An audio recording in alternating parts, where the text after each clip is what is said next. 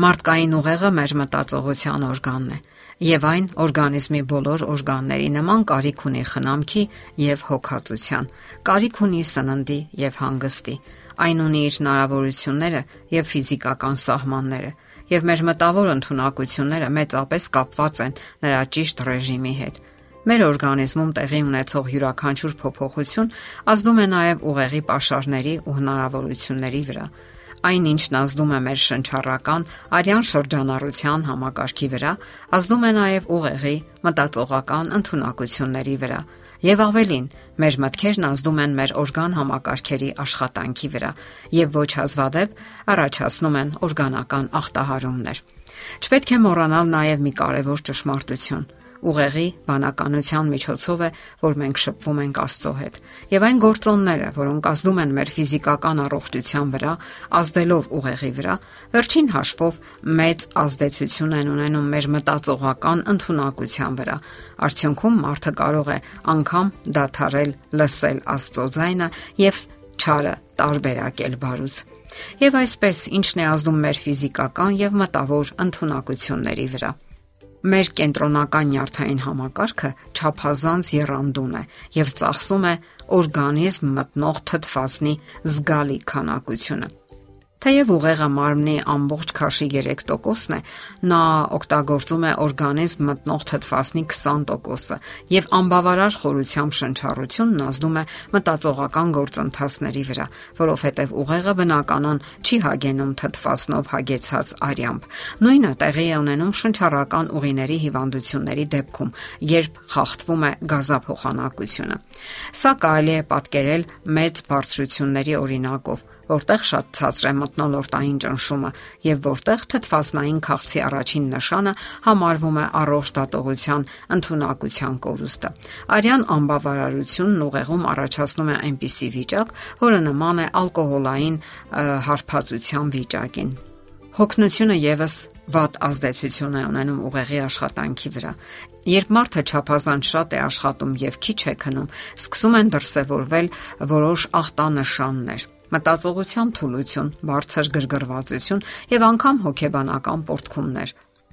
Հոգնած մարդը ընդունակ չէ հստակ մտածողության։ Սա բոլորս ենք նկատել եւ զգացել։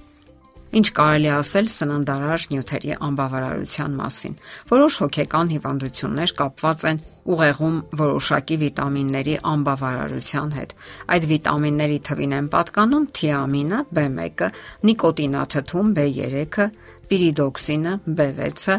ցիանոկոբալամինը, B12, բիոտինը, ասկորբինաթթուն, ֆոլաթթուն։ Այսպիսով այնինչը մենք ուտում ենք անմիջականորեն ազդում է ուղեղի գործունեության վրա։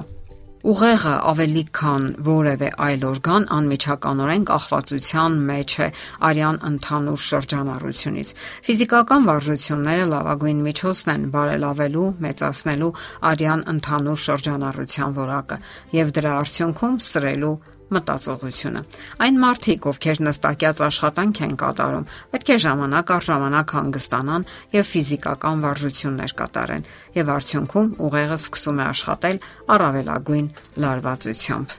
Քչերն են ուշադրություն դարձնում ջրազրկմանը։ Շատերը հնարավոր է չեն էլ մտածել այդ մասին, եւ այն ամենայնիվ նման հիմնախնդիր կա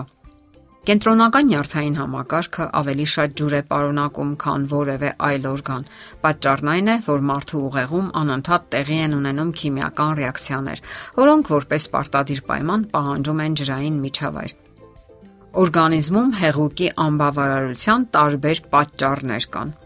Պարզապես մարդիկ հաճախ քիչ են ջուր խմում կամ էլ շոկի պատճառով քրտնարտադրություն են ունենում կամ էլ ֆիզիկական լարված աշխատանքի ժամանակ շատ ջուր են կորցնում։ Արդյունքում առաջանում է հոգնածություն, մտավոր անտարբերություն եւ հուզական անկայունություն։ Ինչ ազդեցություն են ունենում թմրանյութերը ուղեղի վրա։ Սրանք առավել քան ազդում են մտավոր ընտունակությունների վրա Այս հարցի հետ կապված գոյություն ունեն երկու տեսակի թմրանյութեր։ Առաջինները հոգեխթանիչներն են, որոնք սովորաբար կիրառվում են որպես ցավազրկող կամ հանգստացնող միջոցներ։ Երկրորդը այսպես կոչված սոցիալական թմրանյութերն են, այլ կերպ ասած կախվածություն կամ հակում առաջացնող նյութեր՝ ծխախոտ, ալկոհոլ, սուրճ, մարիխուանա եւ այլն։ Անհնար է հստակ մտածողություն ունենալ, եթե օրգանիզմը գտնվում է նման նյութերի ազդեցության տակ։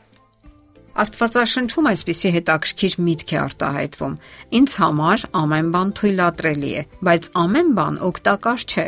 Ինձ համար ամեն բան թույլատրելի է, սակայն ես չպետք է որևէ բանի իշխանության տակ լինեմ։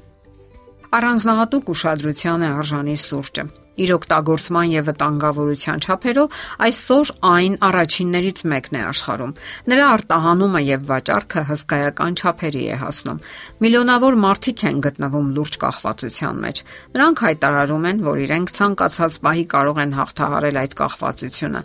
եւ հայտարարելուն զուգընթաց ձեռքն են վերցնում սուրճի հերթական բաժակը։ Ամբողջ հարցն այն է, որ հարկավոր է լրջորեն գիտակցել կախվածության աստիճանը եւ պատկերացնել, որ նրա դեմ հարկավոր է պայքարել կամքի մեծ ուժերի լարումով։ Այլապես խմելով 1-ից 3 բաժակ կամ ավելի սուրճ, մարդը լրջորեն վնասում է իր նյարդային համակարգը, օրգանիզմի կենսական պաշարներն է սպառում, անընդհատ գրգռված վիճակում է պահում ուղեղը եւ արդյունքում չի կարողանում լիարժեք հանգստանալ։ Դե ինչ, պահպանեք ձեր մտավոր ընտունակությունները, գոնե այնքանով, որքանով ձեզանից է կախված։ Ժամանակից շուտ մի սպառեք ձեր ուղեղի հնարավորությունները։ Ձեր բանականությունը ընդհանրապես այն նույնպես ունի իր համապատասխան pašարները, որոնք անսահմանափակ չեն դե ինչ եղեք առողջ թե ֆիզիկապես, թե մտավոր առումով եւ թե հոգեպես։ Եթերում է առողջ ապրելակերպ հաղորդաշարը։ Հարցերի եւ առաջարկությունների համար զանգահարել 033 87 87 87 հեռախոսահամարով։